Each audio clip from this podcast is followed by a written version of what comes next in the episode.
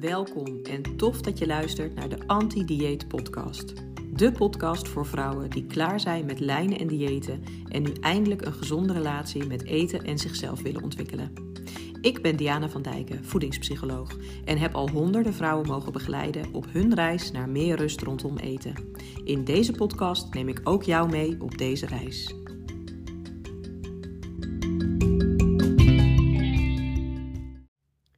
Welkom bij weer een nieuwe aflevering van de Anti-Dieet Podcast.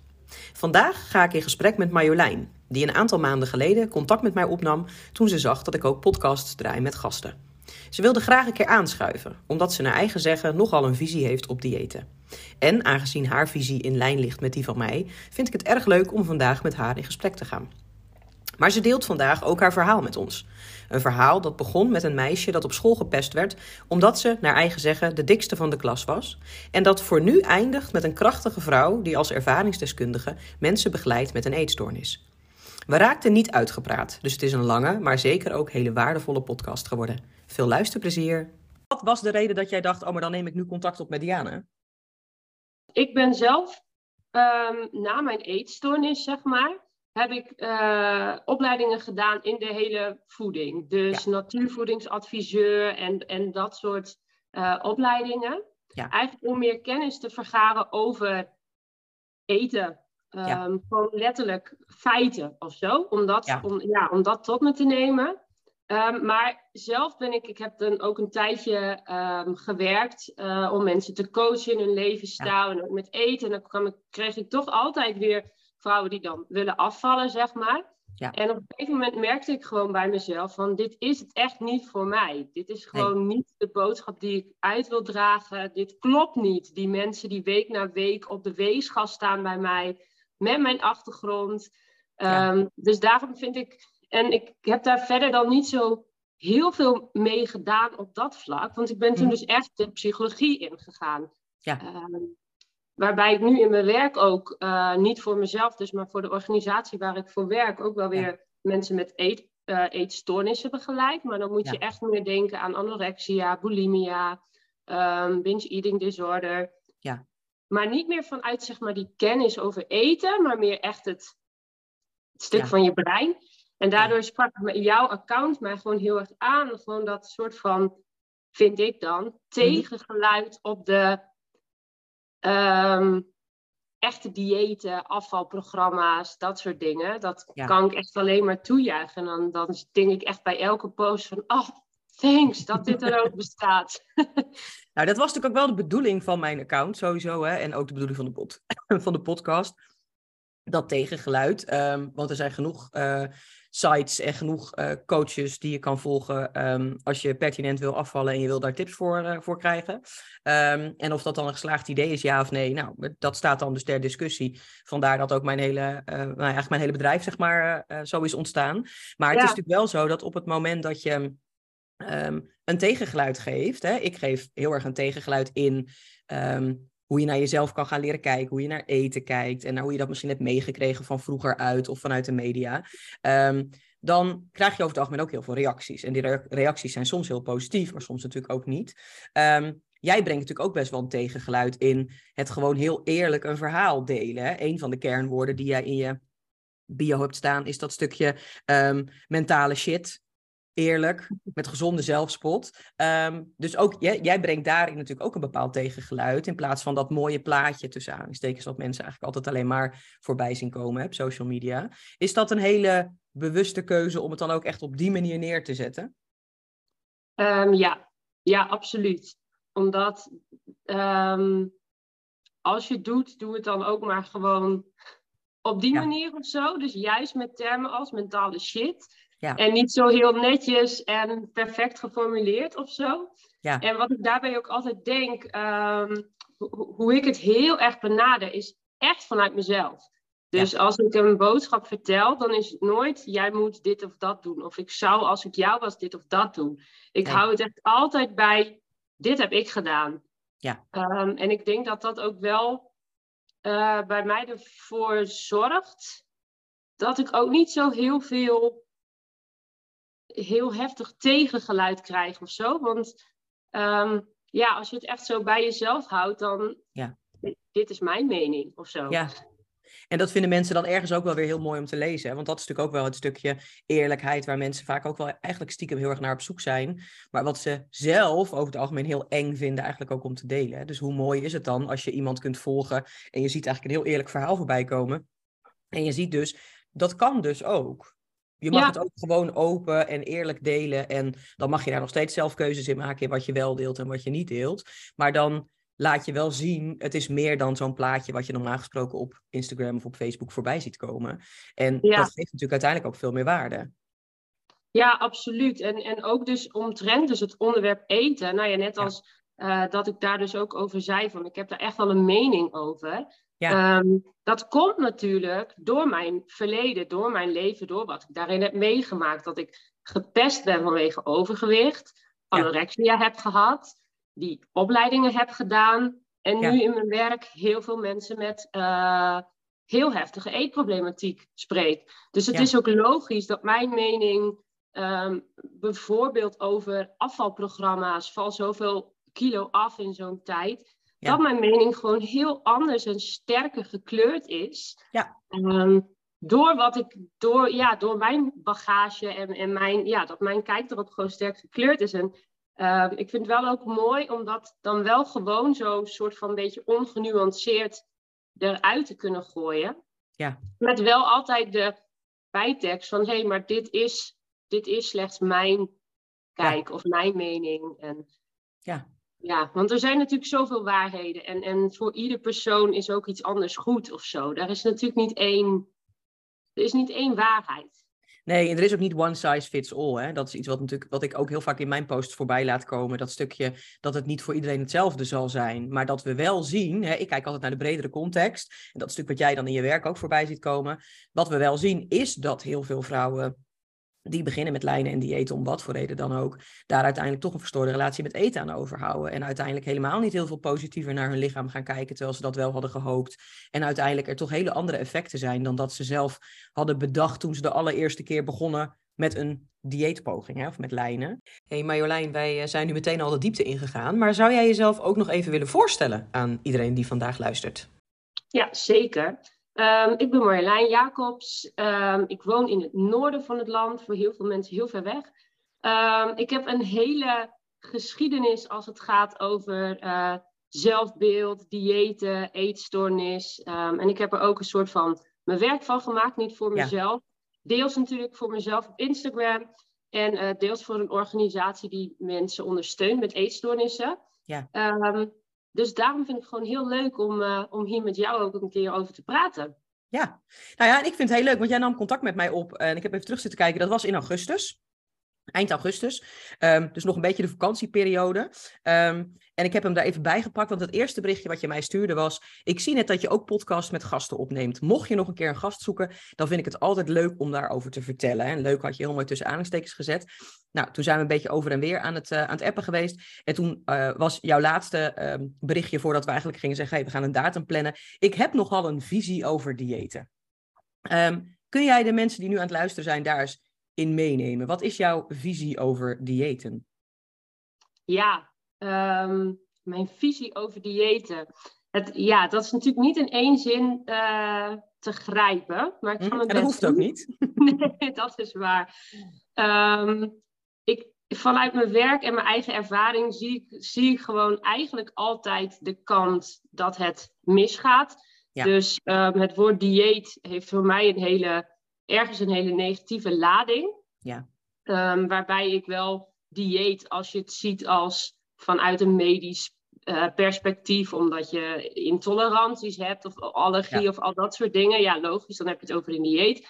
Maar als je dieet ziet van uh, ik ga op een bepaalde manier eten om er op een bepaalde manier uit te zien. Ja.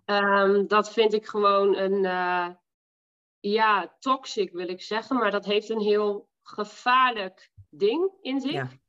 Waar ik in mijn leven zelf heb ervaren hoe gevaarlijk dat kan zijn. Ja. En uh, waarin ik het in mijn werk natuurlijk ook zie hoe dat alle kanten op schietend uh, mensen hun leven heeft verwoest. Ja. Um, Dus dan krijg je er wel een bepaalde mening over. Ja, en dan is die niet heel positief. Hè? Dus dat is eigenlijk een beetje, daarin delen wij wat dat betreft natuurlijk ook wel een beetje die mening in het stukje dat wij vooral altijd de negatieve kant natuurlijk zien. Um, enerzijds kan je dat dan vanuit eigen ervaring ook hebben. Maar anderzijds zien wij het dan natuurlijk vanuit het werkvlak ook terugkomen. Als je je dan even, terug, um, even terugpakt op dat stukje vanuit je eigen ervaring. Hè? Want je beschreef ook in een van de berichtjes aan mij toen. Um, eigenlijk als kind, hè, vanaf kinds af aan, of als kind had ik overgewicht. Hè? Nou, laten we overgewicht dan ook nog even tussen aanhalingstekens zetten. Want de vraag is natuurlijk in hoeverre dat dan per se ook um, zo is. Hè? Dan krijgen we een andere discussie over de BMI en over of die klassificaties allemaal wel kloppen. Maar in ieder geval ben jij als kind zijnde uh, al geconfronteerd met het feit dat je daar in ieder geval mee gepest werd. En dat heeft uiteindelijk een bepaalde uitwerking gehad. Kan je ons eens meenemen in hoe dat dan is gegaan? Ja, absoluut. En ik vind het ook heel leuk wat jij erbij zegt over overgewicht tussen aanhalingstekens. Want als ik nu foto's van mezelf terugzie van toen, dan kan ik ook nog wel weer denken van, nou, het valt ook wel weer een klein beetje mee. Ja. Weet je wel, dus hoe dat ook kan veranderen of zo. Uh, dat zegt alweer iets over dat het niet een absolute waarheid is, denk ik. Nee. Maar ik ben uh, als kind, laat ik het dan zo zeggen, ik was de dikste van de klas. Dat Ja. is gewoon een feit. Ja. Um, en daar werd ik heel erg mee gepest. En dat, dat, dat ging op meerdere vlakken, als in uitgescholden worden voor varken, voor spekkie, um, Ja. dat soort dingen. Uh, opgewacht worden met de fiets, be, geschopt, bespuugd worden. Maar ook het, het uitte zich ook heel erg in echt die nadruk leggen op dat dik zijn. Dus als ik een klimrek opklom, dan gingen mensen kraakgeluiden maken. En gewoon eigenlijk alle mogelijke manieren waarop je iemand kan pesten, dat, dat is bij mij uh, gebeurd. Maar wel ook op een hele heftige manier dan. Hè? Niet alleen een keer iemand die iets onaardigs zegt, maar eigenlijk structureel op een hele nare, negatieve manier bejegend worden. Ja, dag echt letterlijk dag in, dag uit. Ja, dus het was gewoon, um, hoe zeg je, ja, het is geen incident of zo, zeg maar. Nee. Maar omdat dat zo dag in, dag uit tegen mij gezegd werd, en soms in kleine dingen, uh, ja. maar gewoon alleen al dat je bijnaam spekkie is en dat dat dagelijks tegen je gezegd wordt, Um, dat kan dan voor iemand misschien heel klein lijken. Maar moet je nagaan op die leeftijd, wat dat natuurlijk in je hersenen en voor ja. je zelfbeeld en zo, wat dat doet. Ja. Het werd gewoon een soort van mijn waarheid. Want ja, ja dat paadje werd zo gevoed. Um, daar, er kwam niet genoeg tegenover om dat weer een beetje te kunnen neutraliseren van, hey, hebben ze wel gelijk? Of het was zo'n overvloed, dus het werd echt ja, het werd echt mijn uh, waarheid. Dus het wordt dan ook bijna gewoon je waarheid dat je er niet toe doet. En dat je er aan de ene kant dat je er niet mag zijn. En aan de ja. andere kant dat je dus te veel bent. Ja. Ik was te veel ik. Er was te veel van mij. Ik ben ook nog Ja. eens groot. Ik ben heel lang. Ik ben 1,85 meter. Uh, dus ik had ook echt dat gevoel van... Ik ben echt te veel. Ja. Terwijl ik tegelijkertijd klein gemaakt werd. Dus dat is heel... Ja, maar dat is wel vaak het dubbele van zo'n situatie. Hè? Dat we heel vaak zien dat als kinderen gepest worden, dat ze um, gepest worden omdat ze op de een of andere manier opvallen. Dus dat kan zijn omdat ze dikker zijn dan hun klasgenootjes, kan zijn dat ze uh, veel langer zijn dan hun klasgenootjes, of dat ze al veel eerder zich gaan ontwikkelen dan hun klasgenootjes, hè? waardoor meisjes al borsten beginnen te krijgen en de rest van de klas nog niet. Of omdat het de enige is met rood haar, of omdat het de enige is met een andere achtergrond of een andere kleur, of omdat iemand stottert. Ja. Of, je wordt gepest in de meeste gevallen omdat er iets is aan jou wat anders is dan aan de rest. En dan val je er op de een of andere manier buiten. Maar daardoor zie je inderdaad dat kinderen in zo'n situatie in veel gevallen um, het uiteraard logischerwijs, hè, want dat is ook de situatie, op zichzelf betrekken. Maar ook vanuit, zie je wel, dan ben ik dus niet goed genoeg. In plaats ja. van vanuit, deze mensen zijn eigenlijk gewoon heel erg onaardig. Hè, we, we betrekken het als kind zijnde op zo'n moment op onszelf, omdat we als kind zijnde gewoon heel graag gezien en gehoord en geliefd willen worden. En als volwassenen willen we dat overigens nog steeds. Maar als kind hebben we dat ook meer nodig. Maar hoe werd daarmee omgegaan? Dat jij daar, um, hè, want dat zal dus ook op school gebeurd zijn en rondom school. Hè? Hoe, hoe werd daarop gereageerd? Waren mensen op de hoogte? Andere mensen dan de kinderen die aan het pesten waren? Ja, klopt. En daar, dat is denk ik ook wel direct een, een dingetje van. Ik denk dat hoe bijvoorbeeld je juf of meester ermee omgaat, wel invloed nog heeft. Ja. Um, om dat ook zo te kunnen zien van, hé, hey, die ander zegt eigenlijk iets heel onaardigs. Ja. Ehm, als dat natuurlijk door andere mensen dan nog wel benadrukt wordt, dan komt er nog een soort van tegengeluid. Dat was bij mij niet het geval. Ehm, ik, hoe ik het heb ervaren, is dat er gewoon uh, geen aandacht aan gegeven werd, een beetje weggewuifd. Ja. Dus um, het werd niet versterkt door een meester. Nou ja, soms ook nog wel een beetje zo weggelachen. Wat natuurlijk ja. eigenlijk ook wel een soort van versterken is. Ja. Maar er werd gewoon, nee, gewoon, uh, gewoon doorgaan en ja. hopen, dat, hopen dat het niet erger wordt of zo. Of ze hebben het echt niet gezien, ik weet het niet. Ik, nee. nee. Maar nou, dat is natuurlijk ook het moeilijke, hè? dat je niet altijd precies kunt inschatten. Helemaal niet als je nu nog terug moet gaan denken over hè, terug in de tijd. Dan weten we ook dat onze herinneringen op een bepaalde manier ook alweer gekleurd worden. En ook niet altijd meer helemaal kloppen. Maar vooral dat het heel moeilijk is om dan nog te achterhalen wat iemand anders daarin eigenlijk heeft geweten. Of heeft genegeerd of heeft gedaan. Maar dat is dan hè, vanuit de schoolsituatie ook. En vanuit huis, hoe werd er gereageerd op het feit dat jij, hè, zoals je zelf zegt, ik was de dikste van de klas. Hoe werd daar thuis überhaupt op gereageerd? Uh, ze hebben het niet geweten.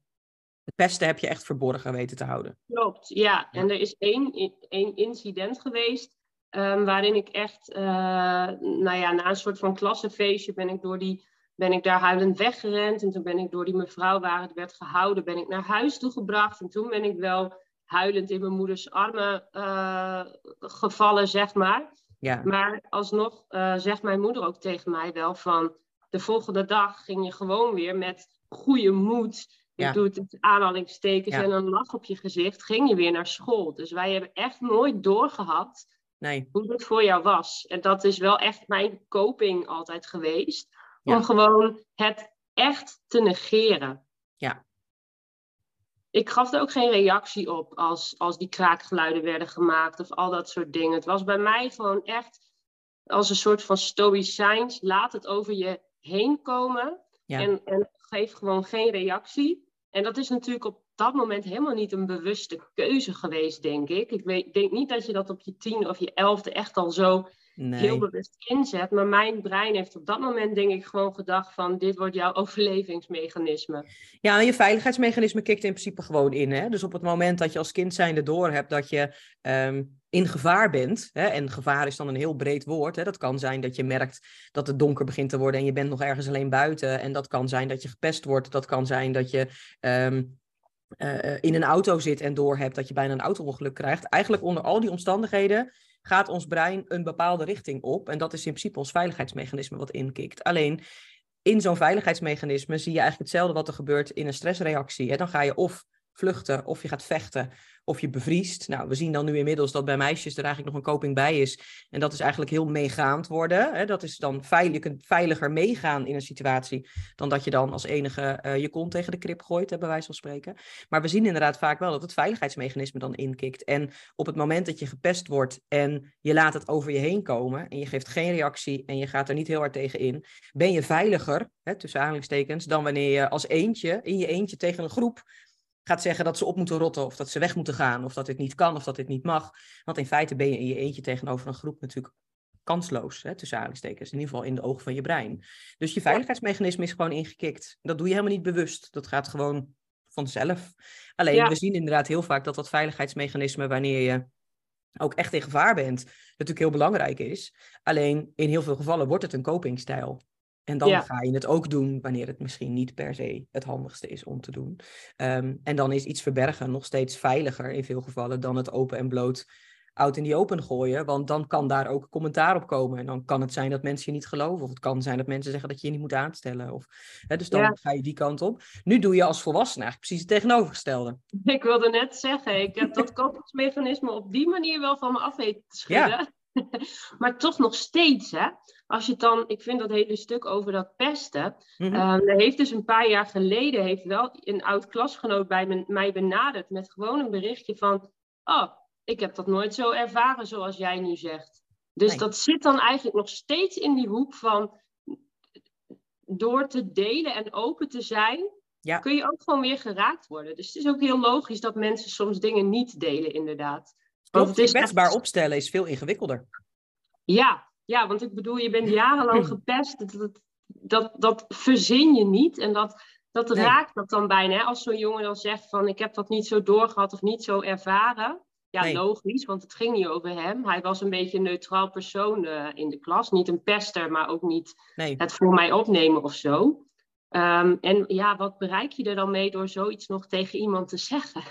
nee, ja, helemaal niks. Maar dat, daar zit dan ook weer vaak dat stukje in dat we um, toch ergens ook dan weer willen laten weten Um, dat, het, dat het misschien allemaal ook nog wel een beetje meevalt. we, we, zijn ja. ook, veel mensen zijn natuurlijk ook wel geneigd om de goede lieve vrede een beetje te willen bewaren. Maar ook zichzelf daarin dan eigenlijk weer te willen verantwoorden. Zo van, nou, het is mij nooit opgevallen. Met andere woorden, als het me wel was opgevallen, had ik er heus wel wat van gezegd. Hè, bij wijze van spreken. Dus ja. Uiteindelijk hebben mensen natuurlijk altijd bepaalde intenties met wat ze doen of met wat ze juist laten. Uh, met wat ze zeggen of met wat ze dus juist maar inslikken. Alleen het lastige is dat als je daar niet... Um, volledig open in staat, je heel snel in bepaalde oordelen of vooroordelen schiet. En dan zie je inderdaad dat het heel veel gevallen ook consequenties heeft. En mensen die later zich realiseren, oh, blijkbaar is mijn gedrag heel erg ervaren door iemand als, als pesten. Dan zien we ook dat ook pesters in heel veel gevallen pas later doorhebben wat voor impact het eigenlijk had. Want het waren ook kinderen met een compleet onderontwikkeld brein. Dus uiteindelijk is dat ook heel ingewikkeld. Alleen we zien wel dat het een enorme impact heeft. En dat als we bijvoorbeeld gaan kijken naar, de, naar het ontstaan van eetstoornissen, dat dat natuurlijk eigenlijk altijd een combinatie van factoren is. Er zijn maar heel weinig vrouwen die een full-blown eetstoornis ontwikkelen, puur alleen omdat ze een keer zijn gaan lijnen. Ja. over het algemeen zijn er allerlei andere um, mechanismes die dan ook in werking zijn, waarin we zien dat er bepaalde uh, karaktereigenschappen zijn die daaraan bij kunnen dragen, maar dat het vaak ook situaties zijn geweest waarin je geen controle had, waarin je niet gezien werd, waarin je um, nou ja, misschien inderdaad wel genegeerd werd of gepest werd, of wanneer je niet heel, in een hele veilige situatie bent opgegroeid, dan zien we natuurlijk dat dat allemaal van die kenmerken zijn die de kans op hè, eetproblematiek eigenlijk gaan vergroten. Um, jij bent langere tijd, hè, op die, in die schoolperiode, ben je gepest. Nou, zoals je zelf zegt, ik was de dikste van de klas. Wat was het moment waarop jij dacht, nou, dan ga ik nu maar gewoon proberen af te vallen. En wat was daarin dan jouw belangrijkste reden om dat te gaan doen? Was je, hoopte je dat je dan niet meer gepest werd? Hoopte je dat je daarmee controle pakte? Wat, wat was het moment dat jij ging lijnen? Ja, ik weet het echt nog heel goed. Ehm, hoe dat moment voor mij was. Ik weet dat één moment was dat ik dacht dat als ik naar de middelbare school zou gaan, dat het dan over was. Als een soort van frisse start. Uh, andere mensen, dat soort dingen. En dat was niet zo. Het was wel op een andere manier. Daarin merkte je misschien toch ook dat de, de kinderen al iets ouder waren of zo. Dus het was wat milder. Maar wel nog altijd dat er niet bij horen. Als laatste worden gekozen met gym. Opmerkingen over, mijn, uh, over mijn gewicht en dat soort dingen. Dus het stopte niet. En in HAVO 3, toen was ik uh, eh, 14, toen heb ik bedacht van... Uh, ik ga voor HAVO 4, voordat school weer begint, word ik gewoon echt een nieuw mens. Ja. Um, dus ik ga afvallen. En, en wat daarin een hele grote motivatie is geweest, is dat ik gewoon om me heen zag dat de slanke meisjes, om het zomaar even te noemen, dat die altijd populairder waren. Dat was altijd dat hele pakketje van een mooi uiterlijk en extravert, outgoing en met alle jongens uh, aan het omgaan. En dat was gewoon wat ik zag. Dus ik wilde dat gewoon ook. En ik had zoiets van. Um, ik had een soort van één op één. Van als je dus dun bent, dan vinden mensen je dus wel leuk. Dus dat leek mij gewoon een heel simpel besluit. En dan heb, je die, heb je die zomervakantie van zes weken. Dus uh, let's go. ja. Zo begon het. Maar dus inderdaad wel ook met dat beeld, wat eigenlijk heel veel ook volwassen vrouwen nu ook nog steeds altijd voor ogen hebben. Hè? Als ik nou afval, dan ben ik succesvoller, dan vinden mensen me leuker, dan krijg ik wel die relatie, dan is het hele leven makkelijker. En dan blijkt uiteindelijk dat ook als je dun bent, je leven niet per definitie over rozen gaat. Hè? Dat is dan natuurlijk ook nog weer de andere kant. Maar het is wel vaak dat beeld wat mensen voor ogen hebben. En voor een meisje van 14 is dat natuurlijk ook helemaal niet gek. Want inderdaad, ga naar een gemiddelde middelbare school. Ik liep er toevallig gisteravond nog voor een informatieavond van mijn zoon die op de middelbare school zit. Um, en dan is het ook zo dat de dunne meisjes hè, uh, populair tussen aanhalingstekens zijn en meer aandacht krijgen van de jongens dan dat de dikkere meisjes dat zijn en krijgen. Dus dat gebeurt natuurlijk ook nog steeds. Hè? En dat is in 10, 20, 30, 40 jaar niet veranderd en zal hopelijk ooit wel gaan veranderen. Maar blijkbaar is dat ook nog wel echt een middelbare schoolding. Terwijl als je dan op volwassen leeftijd om je heen gaat kijken, um, er natuurlijk in alle gewichtsklasses en in alle vormen relaties ontstaan. En dan is dat blijkbaar helemaal niet meer de belangrijkste overweging om hè, populair te zijn, tussen aanhalingstekens. Maar als je nog zo jong bent, is dat het dan wel. Wat ben jij gaan doen in die zes weken om een ander mens te worden? Ja, ik ben gewoon gaan googlen naar diëten. En ik ehm, eh, vond toen een dieet. Ik weet niet of ik daar echt inhoudelijk iets over mag zeggen. Je mag altijd even wat vertellen. Ja, nou ja, dat heette dan het 40 punten dieet. En dan was elke, elke zoveel calorieën was dan één punt. En daarmee kon je dan alle voedingsmiddelen wat je dan had gehad, dat vulde je in. En dan zag je op hoeveel punten je uh, zat. Het was dan max 40 punten, dat was uh, eh, 1000 calorieën, dat is natuurlijk veel te weinig. Ja. Um, en dat werd voor mij werd dat dus echt een wedstrijd, want ik leerde waar dan de minste calorieën in zaten. Ja. Um, uh, ik zag het gewoon elke dag terug van, oh ja, dat was een hogere dag omdat. Dus ja. dat kon ik dan weer schrappen. En het werd gewoon heel simpel een wedstrijd van kan het nog minder? Want 1000 werd 900 en 900 werd 800. En toen had ik een keer een dag van 600 en dan kun je er ook niet meer boven, want dan faal je weer.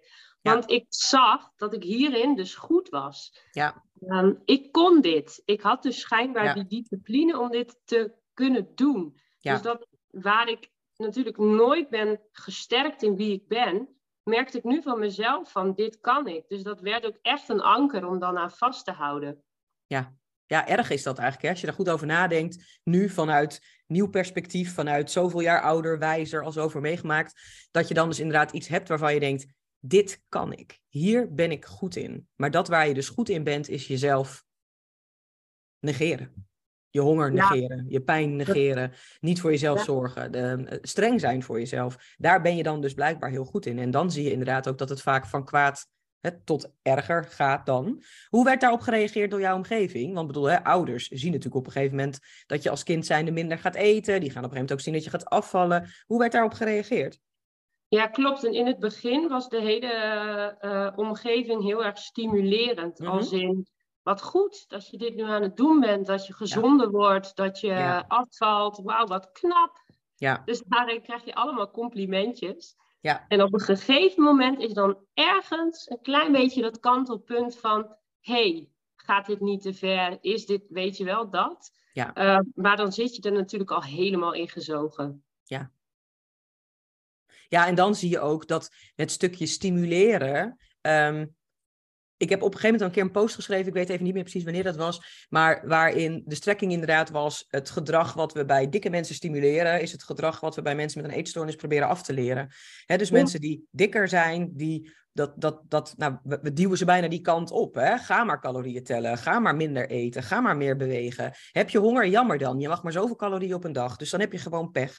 En mensen met een eetstoornis proberen we in alle mogelijkheden, met al onze mogelijkheden en onmogelijkheden, weer te leren luisteren naar hun lichaam. En weer te gaan eten en alleen te gaan bewegen als ze daar ook echt behoefte aan hebben. En niet om te compenseren dat ze een chocoladeletter hebben gegeten. Hè? Dus we proberen heel erg voor elkaar te krijgen bij mensen die eetproblematiek hebben dat ze weer goed voor zichzelf gaan zorgen. En bij mensen die dikker zijn, zeggen we eigenlijk zelfzorg. Nee, dat is helemaal niet belangrijk. Afvallen. Je moet eerst afvallen. En dan word je gezond. Terwijl we uiteindelijk natuurlijk zien dat afvallen helemaal niet betekent dat mensen gezonder worden.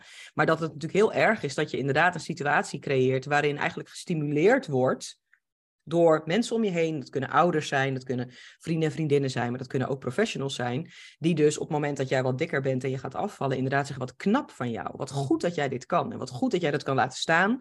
Wat goed dat je die discipline en die wilskracht hebt. Alleen is het dan wel goed, tussen aanhalingstekens, als iemand daarin eigenlijk helemaal niet meer naar het lichaam luistert. En het ook alleen maar doet om dat lichaam te veranderen, want blijkbaar is dat lichaam niet oké. Ja, precies.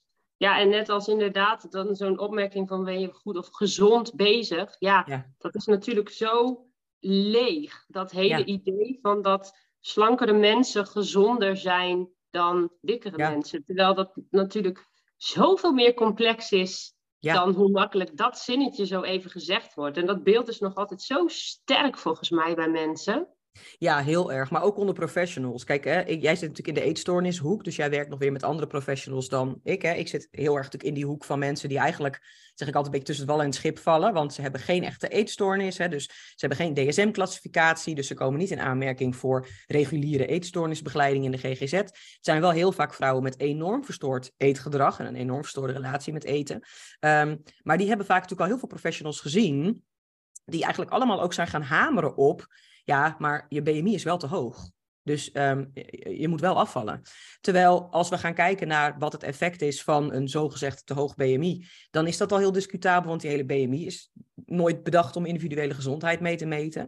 Maar wat we vooral ook heel erg zien, en dat vind ik daarin heel pijnlijk, is dat heel veel vrouwen die dus te horen krijgen, um, ja, maar je moet wel afvallen, want je BMI is te hoog. Dat zijn vaak vrouwen die hebben al een enorm verstoorde relatie met eten en zichzelf ontwikkeld in de loop der tijd. En zijn in sommige gevallen daarin misschien juist wel herstellende. En die relatie met eten begint wat gezonder te worden. Ze kijken op een minder negatieve manier naar zichzelf.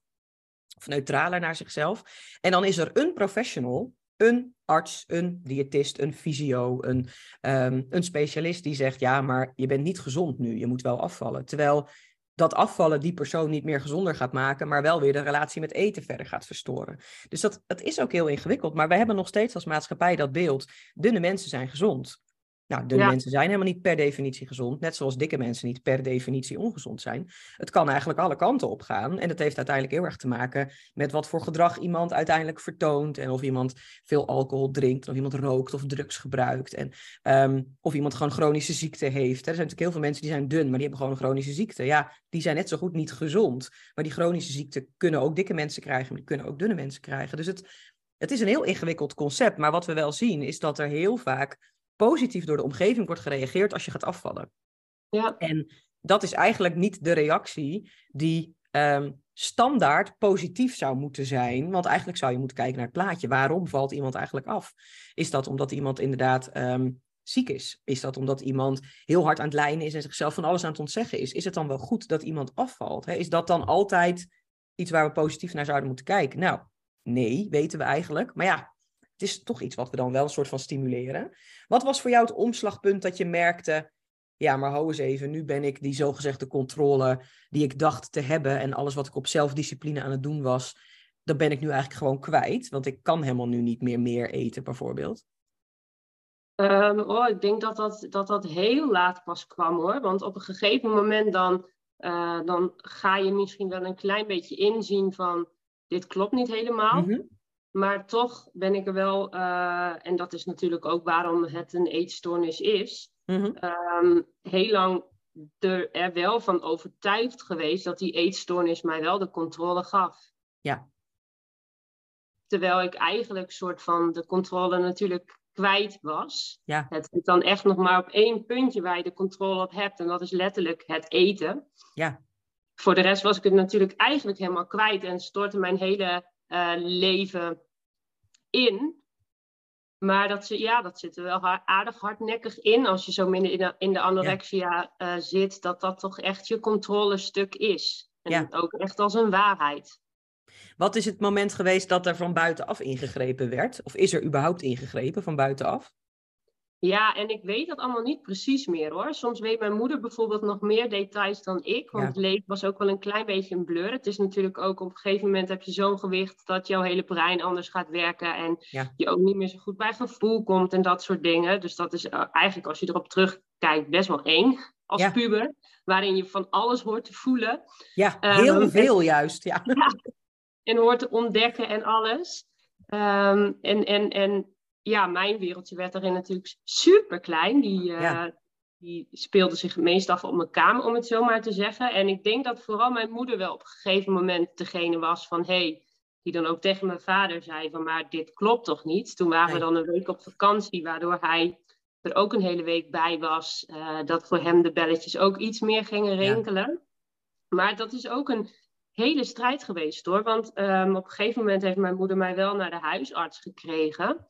Ehm, maar die ontkende eigenlijk het probleem ook een beetje. Was ook zo van ja, maar het is toch hartstikke goed dat ze Ja. is gaan afvallen. En dus die, dan heb je ook gewoon met een individu te maken. Ja. En zijn blik op eh, Ja. hoe een lijf eruit zou moeten zien, of geen idee. ehm, dat hij de ernst daar ook gewoon echt niet van inzag. Van jeetje, ik zag toen een veel te dik meisje en nu is ze slank. Dus Ja. ja, waarom zouden we daar echt nu echt iets aan gaan doen of zo? Nou ja, met Ja. terugwerkende kracht is dat natuurlijk bizar. Dan wordt het Ja. eigenlijk het probleem ontkend eh, en, en daarmee versterkt. Ja, en dat is wel wat we in heel veel gevallen helaas nog steeds wel zien gebeuren. Is dat ehm, ook al zit je op een gegeven moment eigenlijk op een echt wel heel laag gewicht, waarin je dus eigenlijk gewoon aan de gevaarlijke kant van de medaille komt te zitten. Ehm, als iemand daarvoor dik was, wordt het in heel veel gevallen toch nog gezien als, ja, maar dit is beter dan toen ze te dik was. Ja. Ehm, nee. ook gewichtstechnisch gezien, gezondheidstechnisch gezien, nee. Alle reserves zijn weg. Je brein werkt niet meer goed. Je kan inderdaad minder goed voelen. Je gedachten kunnen niet meer op een normale manier geformuleerd worden. Nee, dat is echt niet beter dan toen ze hè, dikker was. En toch is dat inderdaad nog steeds wel wat in sommige gevallen gebeurt. Wat is voor jou hoe is jouw herstel uiteindelijk verlopen? Ben jij eh, eh, onder behandeling gekomen of hoe, hoe moet ik dat voor me zien? Nou, mijn herstel is eigenlijk best bizar verlopen als ik het nu vergelijk met mensen om me heen die op, op hetzelfde punt hebben gestaan. En geen één verhaal is natuurlijk ook gelijk. Nee. Maar ik heb wel echt ehm, heel veel zelf gedaan. Dus ik ben nooit in opname geweest en ik heb nooit hele specifieke eetstoornisprogramma's Mhm. of iets dergelijks gevolgd. Ik ben wel eh, naar een psycholoog geweest en on- op een gegeven moment ben ik in contact gekomen, mailcontact, eh, met iemand die ook een eetstoornis heeft gehad, dus een ervaringsdeskundige. Ja. En ehm, zo ben ik wel, ehm, heb ik eigenlijk gewoon een beetje alle flarden bij elkaar gepakt tot mijn eigen pakketje. Ja. Maar is het ook wel heel erg. ehm, bij mij kwam ook wel een soort van switch, als je dan een soort van Eureka-moment moet noemen, voor zover dat Ja. bestaat. Want heel vaak is dat natuurlijk niet zo. Is het echt Nee. een aan één. kun je niet met terugwerkende kracht zien, want dit was het moment dat ik mij iets realiseerde. Maar bij mij was dat wel een beetje zo. Ik was toen 17 jaar en we waren, eh, ik was met mijn des, eh, eh, vriend van destijds naar Nieuw-Zeeland. En ik vond het, het zo'n prachtig land. Eh, ik werd voor het eerst natuurlijk uit mijn omgeving, waar dat hele, waar ik me zo naar voelde met Ja. het gepest zijn. En daarna natuurlijk in de anorexia voelde ik me ook heel naar. Dus ik heb me nooit goed gevoeld. Was ik echt even op een andere plek en ik zag al dat natuurschoon met die bergen en die meren. En ik merkte gewoon dat ik het lichamelijk gewoon simpelweg niet kon doen wat ik wilde doen.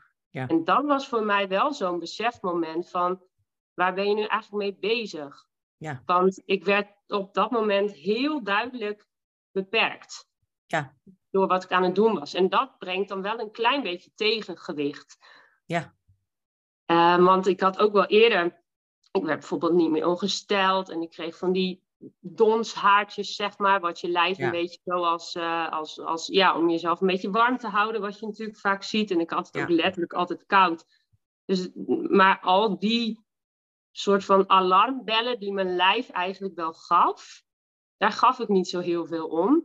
Nee. En dat is natuurlijk ook logisch met zo'n zelfbeeld.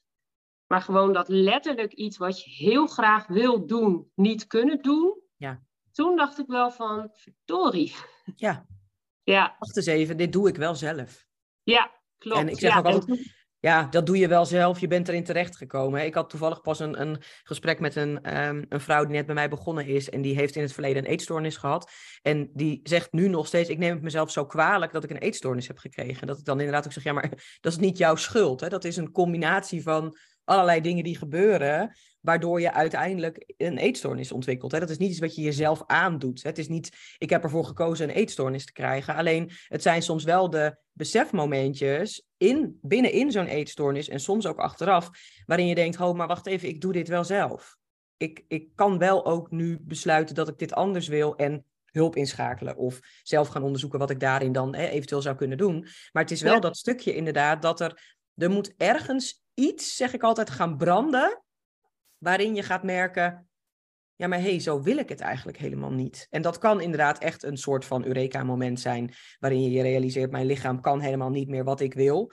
Ehm, dat zijn soms wel ook de besefmomenten, hé, hey, maar wacht eens even, ik menstrueer helemaal niet meer. En ja, ik weet niet, misschien wil ik later ooit wel kinderen. En, en ja, hoe, heet je, wat, wat doe ik mijn lichaam eigenlijk aan? Soms zijn het wel van die echte besefmomenten. Heel vaak is het een combinatie van factoren. Maar waar we natuurlijk eigenlijk altijd wel proberen ook op in te zetten bij eetstoornisherstel, is weer zien waarvan wordt iemand enthousiast. En hoe kun je iemand op de een of andere manier, als dat gevoel afgestompt is en als het allemaal anders werkt, toch nog ergens in raken dat iemand inderdaad denkt, ja, maar ho, wacht eens even. Dit is helemaal niet wat ik wil. Ik wil hier niet de rest van mijn leven in vast blijven zitten. Ik wil wel ook gewoon nog leven. En ik wil Ja. ook nog leuke dingen kunnen doen en mooie dingen kunnen doen. Hoe was Ja. dat voor jou om toen dan inderdaad je te beseffen, hé, hey, maar dan ben ik dus nu niet goed bezig tussen aanhalingstekens. Dan moet er wel iets gebeuren. Ja, nou ja, ik, ik denk dat ik dat op dat moment dus niet als een mega groot iets zag. Maar dat het voor mij dus die kleine switch was van oké, dan ga ik toch die paar nootjes wel eten. Om, om die bergwandeling wel te kunnen doen. En dus dat zijn echt, echt muizenstapjes, zeg maar. Ja. En ik denk dat op een gegeven moment, en dat is um, denk ik, of wat ook echt vaak speelt, het wordt een soort van kosten-batenbalans die je eigenlijk opmaakt. Want je hebt het gevoel dat het je dingen oplevert. Dus het is mhm. logisch dat je daar dan in door blijft gaan. Maar zodra je in gaat zien wat het je eigenlijk allemaal kost. En dat, daar zijn mensen zich soms in het begin ook echt helemaal niet van bewust. Want een, een bepaalde levensstijl of dus manier van naar zichzelf kijken, et cetera.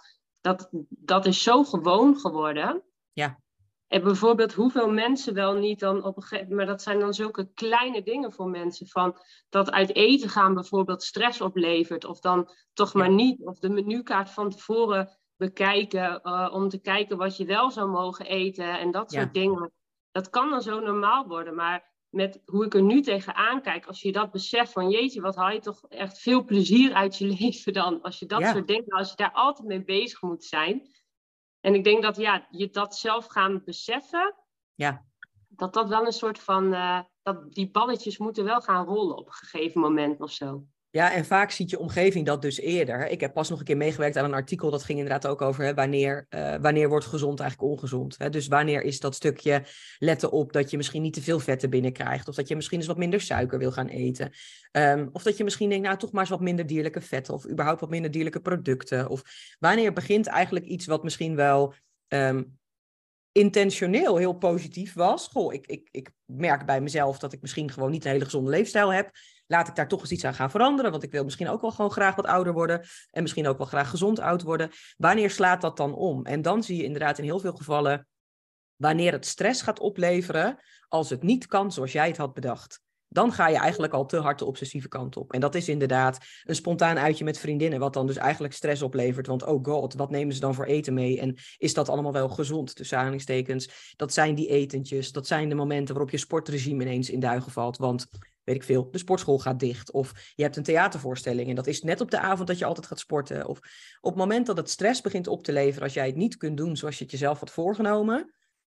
Ik zeg altijd, dan moet je al een beetje bij jezelf gaan checken of je nog wel op een hele gezonde manier bezig bent met het veranderen van je leefstijl. Of dat je eigenlijk al een beetje meer de obsessieve kant op gaat. Ehm, en heel vaak zien mensen om je heen dat eerder dan dat je het zelf doorhebt. He, dus mensen zien op een gegeven moment dingen gebeuren waarvan ze denken: Hè? Maar waarom wil jij al de menukaart checken? Waarom wil je weten of er wel dat en dat op de menukaart zou kunnen staan? Waarom ben je aan het bedenken wat de allerminste calorieën bevat? Dus andere mensen zien het in heel veel gevallen eerder. Alleen dat stukje, ja, we noemen het altijd maar een soort hè, probleembesef, dat je door gaat krijgen. Hm, is misschien wel een beetje vreemd eigenlijk wat ik aan het doen ben. Dat moet wel komen, want anders verandert er natuurlijk ook niks.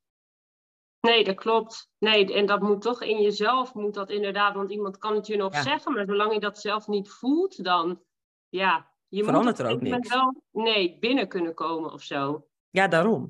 Hey, En uiteindelijk ben jij dus, hè, wat je zelf zegt, ik ben niet echt in, uh, in behandeling geweest. Hè. Ik heb wel een psycholoog gesproken, maar ik ben vooral ook zelf eigenlijk aan de slag gegaan. Hè. Dus kleine stapjes. Uiteindelijk ben je gaan herstellen. Wat was het moment dat je van jezelf zei, ja, maar nu ben ik er. Nu ben ik er weer. Nu ben ik hersteld. Ja, dat vind ik zo'n leuke vraag. Want ik uh, met terugwerkende kracht mhm. denk ik echt, Marjolein, wat heb je jezelf wijs gemaakt? Mhm.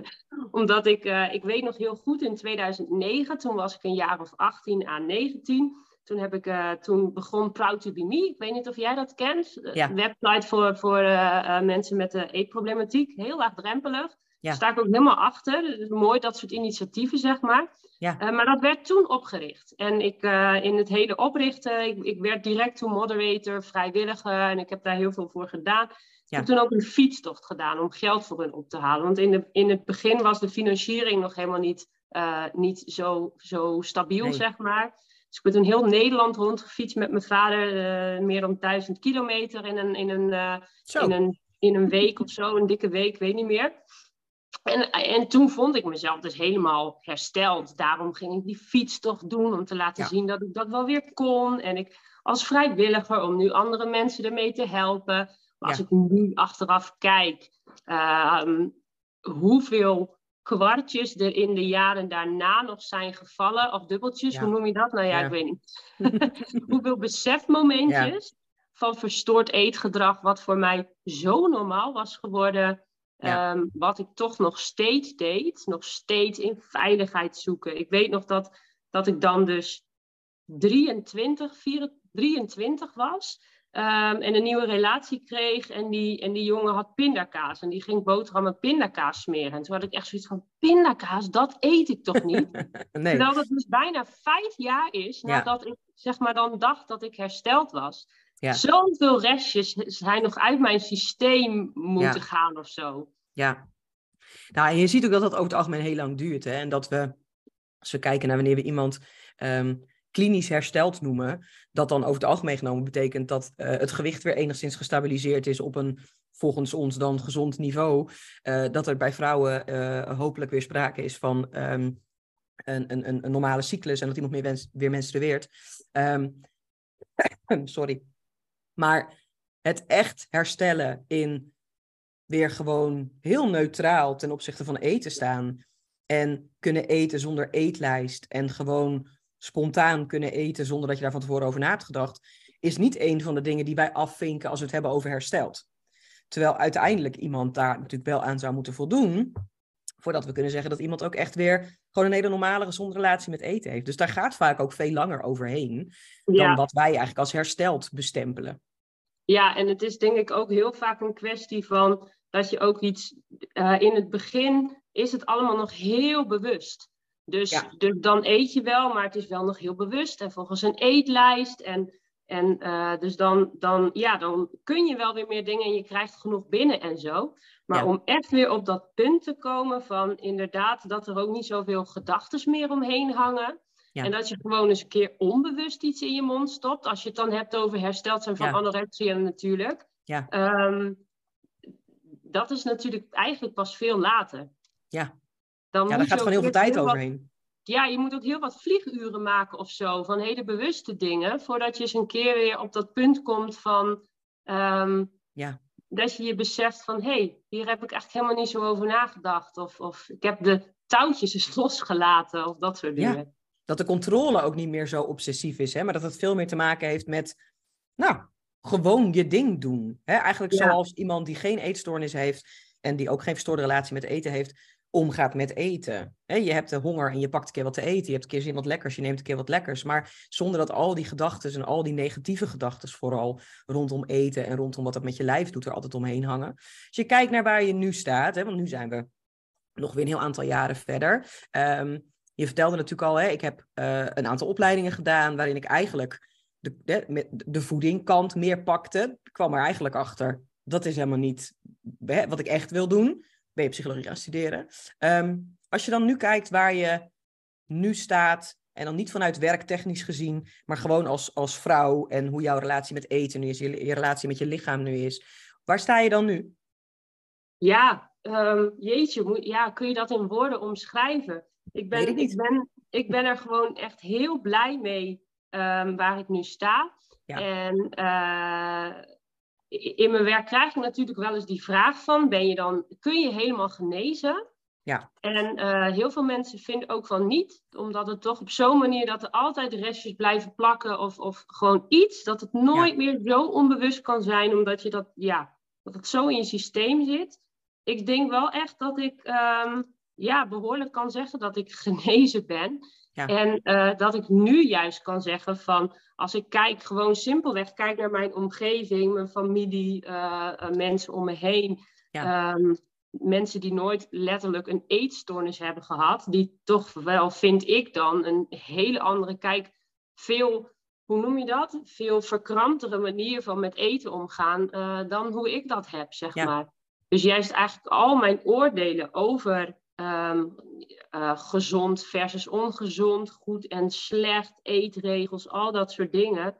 Ik heb dat wel dus echt compleet losgelaten en echt ja. uh, eten vanuit intuïtie. En daar geloof ik daardoor ook gewoon heel sterk in. Ja. Dat juist door, en dat probeer ik dan nu ook bij mijn, uh, dochter echt voor te leven, door, door dat helemaal los te laten. Ja. Um, ja, ontstaat er volgens mij een veel gezondere band met eten. En om me heen zie ik toch wel hoe gewoon het is om toch eigenlijk best wel een beetje verstoord met eten om te gaan. Ja, het is bijna de norm om ingewikkeld te doen over eten.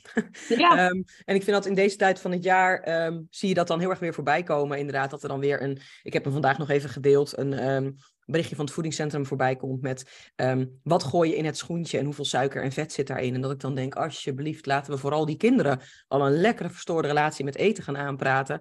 Bij Sinterklaas hoort snoepgoed en daar kan je veel van geven, kan je weinig van geven. En daar kan je als ouder zijnde bepaalde gedachten over hebben en bepaalde regeltjes over hebben over hè, hoe je daarmee omgaat in jouw huishouden en op welke manier dat een rol speelt. Maar om dan te gaan kijken welke pepernoot met welke coating de minste vetten en suikers bevat, want dan kan je die beter geven dat gaat mij ook meteen 28.000 stappen te ver. Ehm, en toch gebeurt het heel veel. Hè? Dus het is heel normaal om eigenlijk moeilijk te doen over eten. Terwijl als je juist op een hele neutrale manier naar het eten gaat kijken, ehm, dan zie je dus eigenlijk ook wat er gebeurt. Bij mij in huis worden altijd pepernoten gehaald op het moment dat het Sinterklaasjournaal begint. Dat is gewoon ritueel, is traditie. Vind ik ook leuk, want dan blijven die pepernoten ergens nog een beetje bijzonder.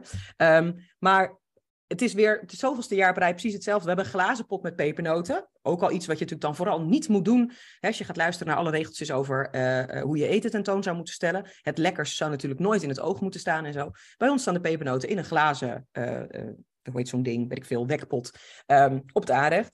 De eerste lading pepernoten is altijd vrij rap op. We zijn met vijf mensen thuis. Ik hou zelf niet zo heel erg van pepernoten. Ik vind alleen de pure chocoladepepernoten lekker. Dus ik pak een keer een paar pepernootjes. De eerste lading is eigenlijk altijd heel snel op. Dan vul ik hem aan. En nu staat die pot dus al gewoon weer, ja, wanneer is Sinterklaasje nou begonnen? Twee weken geleden, tweeënhalve week geleden. Nu staat die pot met pepernoten dus gewoon weer helemaal vol op het aanrecht en niemand pakt meer pepernoten. Met andere woorden, als het er gewoon altijd is en je mag het ook gewoon pakken en het staat er en het is ontspannen, dan hangt er ook helemaal niet zoveel spanning omheen. Maar als ik tegen mijn kinderen zou zeggen, nee, je mag die pepernoten eigenlijk niet hebben, want nee, die zijn ongezond en dat is niet goed voor je en neem het nou maar niet, je kan beter een banaan pakken, dan worden die pepernoten een soort heilige graal van dat wil ik en dat moet ik en daar wil ik heel veel van eten. Maar dat is helemaal niet zo op het moment dat je het gewoon mag pakken en je er gewoon van mag genieten. Alleen het is bijna normaal inderdaad om verstoord eetgedrag te vertonen en om heel erg te oordelen over dat eten. Maar daarmee bereiken we helemaal niet wat we willen. Want we bereiken juist dat mensen daardoor heel erg in verleidingen gaan denken. Ja, maar dat kan ik echt niet in huis hebben, want dan, hè, dan kan ik er niet van afblijven. Maar dat is niet wat we onze kinderen zouden moeten meegeven maar goed, hè, iedereen moet dat natuurlijk uiteindelijk op zijn eigen manier doen. Maar jij hebt natuurlijk een, uh, je hebt een uh, dochter, je hebt ook nog een zoontje. Um, en je hebt nog een dochtertje. Eigenlijk heb je drie kinderen. Um, en er zijn er twee in leven, wat natuurlijk heel mooi is, maar er is er eentje ook niet meer. Maar hoe kijk jij, als jij nu naar je kinderen kijkt, hè? jij bent zelf gepest omdat je te dik was, tussen aanstekens, omdat je de dikste van de klas was. Heb jij dan ergens die angst dat dat nu met jouw dochter of jouw zoon ook zou kunnen gaan gebeuren? Hoe kijk je daarnaar?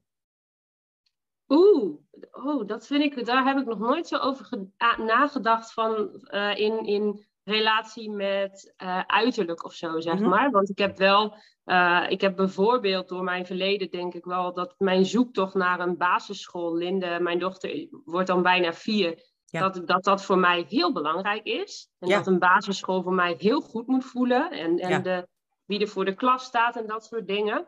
Dus daarin merk ik wel dat dat natuurlijk wel een soort van gevoelig puntje voor mij is. Um, als je dan kijkt naar hele, hele gewicht en, en dat soort dingen, um, dan, dan kan ik gewoon niet anders dan er zo relaxed mogelijk over doen. Ja. Omdat ik denk dat dat gewoon uiteindelijk het meeste op gaat leveren, zeg maar. Ja. Dus ja, ik heb er eigenlijk nog nooit zo over nagedacht van, uh, wat, dus schijnbaar is die angst er niet. Van, nee. Um, want anders was ik me er wel bewust van, denk ik. Van hoe worden zij later gepest met hun uiterlijk of dat soort dingen. Um, en dan denk ik dat ik vooral heel erg zit in, het maakt me uiteindelijk niet uit hoe ze eruit zien. Maar dus meer uh, door goed te kijken naar wat voor omgeving creëer je eigenlijk voor je kinderen. En wat krijgen ze mee van de mensen om hen heen. En daar heb je natuurlijk zelf wel deels invloed op. Ja. Dus dat is het stuk wat je zelf kan doen. En ik denk dat ik daar wel altijd naar kijk. Van, ja, wat ligt ook binnen je bereik. Ja. Nou ja, en wat natuurlijk vooral ook binnen je bereik ligt, is het voorbeeld wat jij dus hè, bent ook voor je kinderen. In dat eten daarin uh, niet iets is waar je heel eh, ingewikkeld over hoeft te doen. En dat het niet gaat om dat je dun zou moeten zijn. Dat het voorbeeld niet is, mama is altijd bezig met lijnen en diëten. Dus blijkbaar is het belangrijk, hè, tussen aanhalingstekens, om dun te zijn. Uiteindelijk geef je natuurlijk vooral het voorbeeld mee in hoe je eigenlijk ook graag wil dat het gaat zijn. Ja, absoluut. En dat is voor mij echt de allerbelangrijkste. Want ik denk dat inderdaad door die norm, hoe, hoe nou ja, misschien vooral vrouwen, maar ook wel mannen natuurlijk, mm doen over ja, hoe een lijf eruit moet zien en hoe je met eten omgaat, et cetera. Ehm, ik besef me gewoon zo hoe groot mijn voorbeeldrol is. Ja. Omdat dat gewoon is wat ze dagelijks zien. En dat is niet alleen wat je in je mond stopt en hoe je daarmee omgaat, maar ook gewoon hoe je, hoe je over lijven praat. Ja over je, over je buik en over je tijgerstrepen die er op die buik staan. En ja, wat voor woorden kies je eigenlijk? En, en hoe ga je daar zelf mee om, zeg maar? Dus daar ben ik me enorm van, uh, van bewust. Ja, nou ja, en we weten natuurlijk ook dat dat gewoon een hele grote impact heeft. Hè? Dat op het moment dat je als kind zijnde eigenlijk van, van jongs af aan al te horen krijgt van je moeder of van je vader of van je oma of van ooms en tantes, dat het niet oké is om dik te zijn. En dat je eigenlijk wel op moet letten op je eten. En dat je inderdaad die pindakaas maar beter niet op je boterham kan doen. En dat het niet oké is dat je een buikje begint te krijgen. Of dat iemand inderdaad over zijn of haar eigen lijf heel negatief praat. Of over de lijven van mensen die ze voorbij zien komen. Um, dat dat gewoon hele, hele grote impact heeft, omdat uiteindelijk kinderen nog zo openstaan voor alles wat er om hen heen gebeurt en alles opzuigen als een enorme spons, dat dat wel de basis is die ze meekrijgen. En dan is het heel fijn als ze een hele neutrale of positieve basis meekrijgen, waarin het niet gaat over lichamen, waarin het niet gaat over gewicht, maar waarin het gaat over wie je bent en waar je voor staat en wat je doet in het leven. En dat dat uiteindelijk veel belangrijker is dan hoe je eruit ziet. Ehm, en toch wordt er natuurlijk in onze maatschappij gewoon nog steeds heel erg nadruk gelegd op uiterlijk. Zowel bij jongens als bij meisjes. Maar die, nadruk ligt natuurlijk wel heel erg ook altijd op dat uiterlijk. Waardoor je eigenlijk als ouder zijnde een nog grotere rol hebt in het beperken van hoe belangrijk dat uiterlijk dan eigenlijk is. Dat het gaat om wie een kind is. En inderdaad om ja, hoe het zich ontwikkelt. En dat het attent is of lief is of goed luistert. Of, en dat het ook juist tegen draads mag zijn. En dat het gewoon mag zijn wie het is. Alleen dat is natuurlijk als ouder zijn soms ook best een uitdaging. Hè? Bij jou zijn de kinderen nog heel klein, bij mij zijn ze een stukje ouder. Ehm, mijn oudste is 15 en de jongste is uh, bijna 9. Ehm, dus die zitten in hele andere leeftijden. De middelste is uh, bijna 13. Um, maar die zitten eigenlijk allemaal in een fase waarin ze wel ook weer merken dat er een bepaalde waarde wordt gehecht aan hoe je eruit ziet en wat voor kleding je draagt en wat voor schoenen je aan hebt en hè, wat voor kapsel je hebt en noem maar op. En Ehm, wat wij als ouders inderdaad eigenlijk altijd proberen mee te geven, is dat de maatschappij daar inderdaad naar kijkt. En dat we dat niet kunnen, hè, dat kunnen we niet, uh, ja, hoe zeg je dat, kunnen we niet negeren, want dat is gewoon zo. Maar dat het uiteindelijk nog altijd belangrijker is wie je bent. En hè, dat je gewoon jezelf bent. En dat je ook altijd jezelf mag zijn. Alleen, ja, dat is natuurlijk wel iets wat we in de maatschappij blijkbaar minder belangrijk vinden dan hoe het plaatje er dan uitziet. Wat natuurlijk heel gek is als je daar goed over nadenkt. Ehm, maar hoe mooi is het dan als ouders zich realiseren wat voor rol ze daar zelf ook in kunnen spelen. En dat zij uiteindelijk, vooral in die eerdere jaren, een veel grotere rol spelen dan dat wat de maatschappij eigenlijk verlangt. Hè? Want als kinderen nog heel klein zijn, hebben ze dat eigenlijk helemaal niet door. Ehm, als jij nu terugkijkt hè, op alles wat jij hebt meegemaakt vanuit het stukje dan die dikste van de klas zijn. Ergens dat idee krijgen, als ik dan in die zomervakantie maar die transformatie doormaak, dan ben ik daarna een ander mens en dan komt het allemaal hè, goed tussen aanhalingstekens. Vervolgens dan eigenlijk zo diep in zo'n eetstoornis verwikkeld raken dat je je op een bepaald moment toch gaat realiseren, dit is het ook niet. En daar dan weer uitkomen. Als je daar iets van zou moeten pakken waarvan je zegt, let, let daarop voor mensen die nu aan het luisteren zijn. Of ze het nou herkennen in een dochter of in een vriendin, of ze herkennen het bij zichzelf. Wat zou je mee willen geven aan vrouwen die nu luisteren en dat op de een of andere manier herkennen om ze of dat sprankje van hoop te geven, of dat keerpunt te kunnen laten zijn. Een, een wijze les. Dat is een hele moeilijke vraag, snap ik. Maar is er iets waarvan jij nu denkt, dat moeten mensen zich dan op zo'n moment realiseren? Of dat wil ik ze in ieder geval meegeven? Ja, dat is natuurlijk een hele brede vraag. Want als je het aan bijvoorbeeld ouders van, zou ik weer iets heel anders mhm. meegeven dan uh, iemand die zelf een beetje met zijn zelfbeeld worstelt of iets dergelijks. Maar ik denk dat uh, wat ik mezelf altijd heel erg voor, voorhoud en wat me door de heetste vuren, zeg maar, de heetste strijd wel heeft uh, gebracht, is um, gewoon het beginzinnetje, het beginpunt van het is oké. Okay. Ja. wat, wat er nu ook allemaal is en wat je nu ook allemaal voelt, of dat dus de zorgen zijn om je kind, Mhm. of dat is hoe je zelf nu je zelfbeeld is, begin alsjeblieft met dat leren van alles wat ik nu voel, ervaar, denk, het is oké. Ja. Voor nu, voor dit moment, dat is Ja. oké. Want er zit natuurlijk heel vaak al die hele grote overtuiging van dingen moeten anders. En dat is Ja. al vanuit een soort van verkramptheid en vanuit een soort van strengheid. Ja. En ehm, weet je, misschien is jouw zelfbeeld nu niet eh, hoe die zou moeten zijn. Maar als je al van jezelf kunt accepteren dat hoe jij nu naar je lijf kijkt, dat hoe, je, hoe je er nu in staat, dat komt niet, dat komt niet uit het niets. Hè? Dat komt ergens vandaan en dat is niet Ja. jouw schuld. Dat is jouw levensverhaal, wat jij tot nu toe hebt meegemaakt, hebt meegekregen. Ja. Ehm, als het nu oké voor jou mag zijn hoe het nu is, dan hebben we een startpunt. Ja. En dat startpunt hebben, dat is alles. Dan kun je Ja. de eerste mini-mini stap gaan zetten. Dan maakt niet uit hoe, hoe klein die is of hoe lang het duurt. Dan heb je een soort van basis. Ja, dan is er een begin. En uiteindelijk heb je altijd iets nodig om die eerste stap vandaan te kunnen gaan zetten. Ehm, en dat kan inderdaad met zo'n zinnetje zijn als het is oké wat er nu is, of het is oké wat ik nu voel, of wat er nu ook is, het mag er in ieder geval zijn. En dat betekent niet dat je het niet uiteindelijk graag wil veranderen, of dat er misschien zelfs wel dingen moeten veranderen om echt goed voor jezelf te zorgen. Maar dan heb je in ieder geval een startpunt. Ja, ja precies dat. En vanuit een soort van, van eh, nou ja, bijvoorbeeld meer zo van vanuit liefde in plaats Ja. van vanuit iets wat moet of vanuit een soort van strengheid. Ja. Zo'n Ja, en nare dat is- basis. Ja, maar dat is wel wat we natuurlijk heel vaak zien, hè? dat we in gemiddeld genomen veel vaker streng zijn voor onszelf, dan dat we eigenlijk met een bepaalde mate van compassie naar onszelf kunnen kijken. hè. Dus dat we ook over het algemeen veel strenger zijn voor onszelf in een bepaalde situatie, dan dat we zouden zijn voor iemand anders. Ja, precies. wat anders zouden we inderdaad veel bemoedigendere woorden gebruiken en zeggen, oh wat vervelend en wat naar voor je en wat heb je dan nodig en kan ik je daar misschien bij helpen? Of, ehm, en misschien soms ook juist wel een, een, een soort van perspectief kunnen, kunnen scheppen. Hé, hey, maar dit is nu inderdaad wel heel lastig, maar wie weet hoe het er straks uitziet. Of, terwijl naar onszelf zijn we over het algemeen genomen dan heel streng en heel ehm, veroordelend en soms zelfs ook gewoon ronduit gemeen.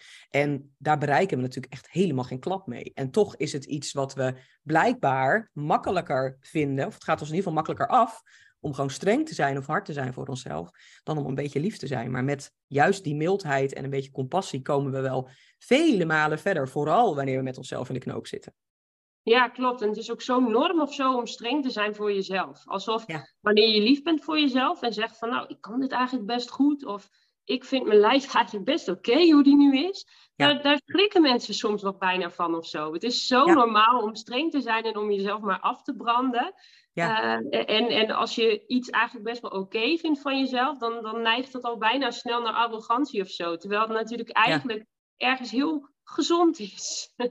Is het ook. Alleen dat is inderdaad het ingewikkelde van de, nou ja, eigenlijk ook wel gewoon de maatschappij die we met z'n allen gecreëerd hebben. En dan vooral ook de maatschappij in Nederland. Hè. Nederlanders zijn eh, nuchter, doe maar normaal, dan doe je al gek genoeg. Je moet niet te hoog van de toren blazen. Hoge bomen vangen veel wind. We hebben er zelfs een hele lijst aan spreekwoorden omheen bedacht in de loop der honderden jaren waarschijnlijk. Die eigenlijk allemaal hetzelfde laten zien. Je moet vooral gewoon ehm, niet te veel opvallen. Je moet niet, niet te eh, niet te hoog van de toren blazen. Je moet niet doen alsof je iets goed kunt of zo. Je moet het vooral allemaal maar een beetje minimaliseren. Maar het effect daardoor is ook dat heel veel mensen dus aan zichzelf twijfelen. En het ook eigenlijk niet eens meer durven te delen als ze misschien ergens wel zeker over zijn. En dat is natuurlijk hartstikke zonde. Want vooral in zo'n stukje herstel, als het gaat over eetstoornisherstel, maar ook in de bredere hè, context, wanneer mensen gewoon struggelen met hun zelfbeeld, struggelen met eten, op welke manier dan ook een, nou ja, toch wel moeizame relatie met eten zichzelf hebben ontwikkeld. Dat stuk herstel komt juist vanuit kunnen kijken naar, hé, hey, maar wacht eens even, dit is mij nu al gelukt.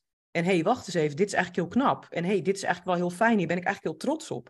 Um, maar dat, ja, dat, dat zijn we zo niet gewend om te doen. Terwijl daar juist een deel van het herstel zit. Ook kunnen zien wat je al bereikt hebt, zodat je ook nou ja, ergens nog een beetje de open blik kunt houden dat er ook vast nog wel meer mogelijk is.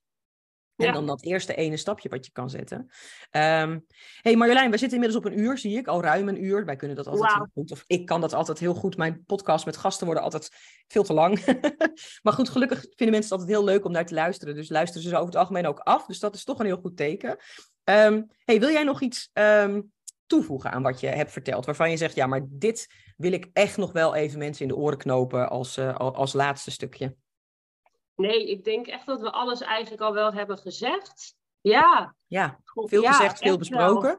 We hopen dat, uh, dat mensen die dit luisteren daar ook een bepaalde les uit kunnen trekken. Puur vanuit, zo kan het dus ook. Zo kan het verlopen. Dit kan de impact zijn van pestgedrag. Dit kan uh, zijn wat er gebeurt wanneer iemand uh, denkt die transformatie te gaan doorlopen en te gaan lijnen en dieeten. En dat betekent echt niet dat dat voor iedereen zo is. Maar neem het mee als iets wat eventueel zou kunnen gebeuren. Of iets waar je misschien ook nog op zou kunnen letten als je in je omgeving om je heen kijkt. Hey, als mensen het leuk vinden om jou te volgen, want jij bent best wel heel actief ook op Instagram en je deelt heel veel over jouw leven. Niet alleen over hè, dat stukje eetstoornissen, vooral juist ook gewoon over de bredere zin uh, van wie Marjolein eigenlijk is. Hè. Je deelt ook dingen over je gezin, je deelt dingen over de kinderen, um, maar ook over hè, dat stukje mentale shit, hè, waar we het in het begin al even over hadden, over ja. de zelfspot. Waar kunnen mensen jou vinden als ze het leuk vinden om jou uh, te blijven volgen? Ja, mijn naam is 20 Toes NL ja, dus twintig tenen, maar dan in het Engels. Hè? Even voor de mensen die dat niet goed kunnen, nog niet goed hebben verstaan. Uh, en NL erachteraan. Nou ja, ik zet ook altijd in de side notes, um, uh, in de show notes, zet ik altijd even een linkje. Dus dan kunnen mensen daar nog op klikken en dan uh, kunnen ze gewoon nog eens even kijken. hey, dan wil ik jou ontzettend bedanken. Ik vond het leuk om op deze manier, na al die tijd waarin we al over en weer aan het appen en zo zijn geweest, elkaar dan eindelijk eens een keer echt te spreken. En dan nu ook de podcast te kunnen draaien. Dus ontzettend bedankt. Leuk dat je er was. En um, wij uh, zien elkaar vanzelf weer voorbij komen op, uh, op social media. En wellicht hebben we in de toekomst nog wel eens een ander onderwerp waarvan we zeggen, daar gaan we eens een keer een podcast aan wijden. Dan, uh, dan neem ik vanzelf contact met je op. Maar in ieder geval hartstikke bedankt voor vandaag. Ja, helemaal goed. En jij ook bedankt.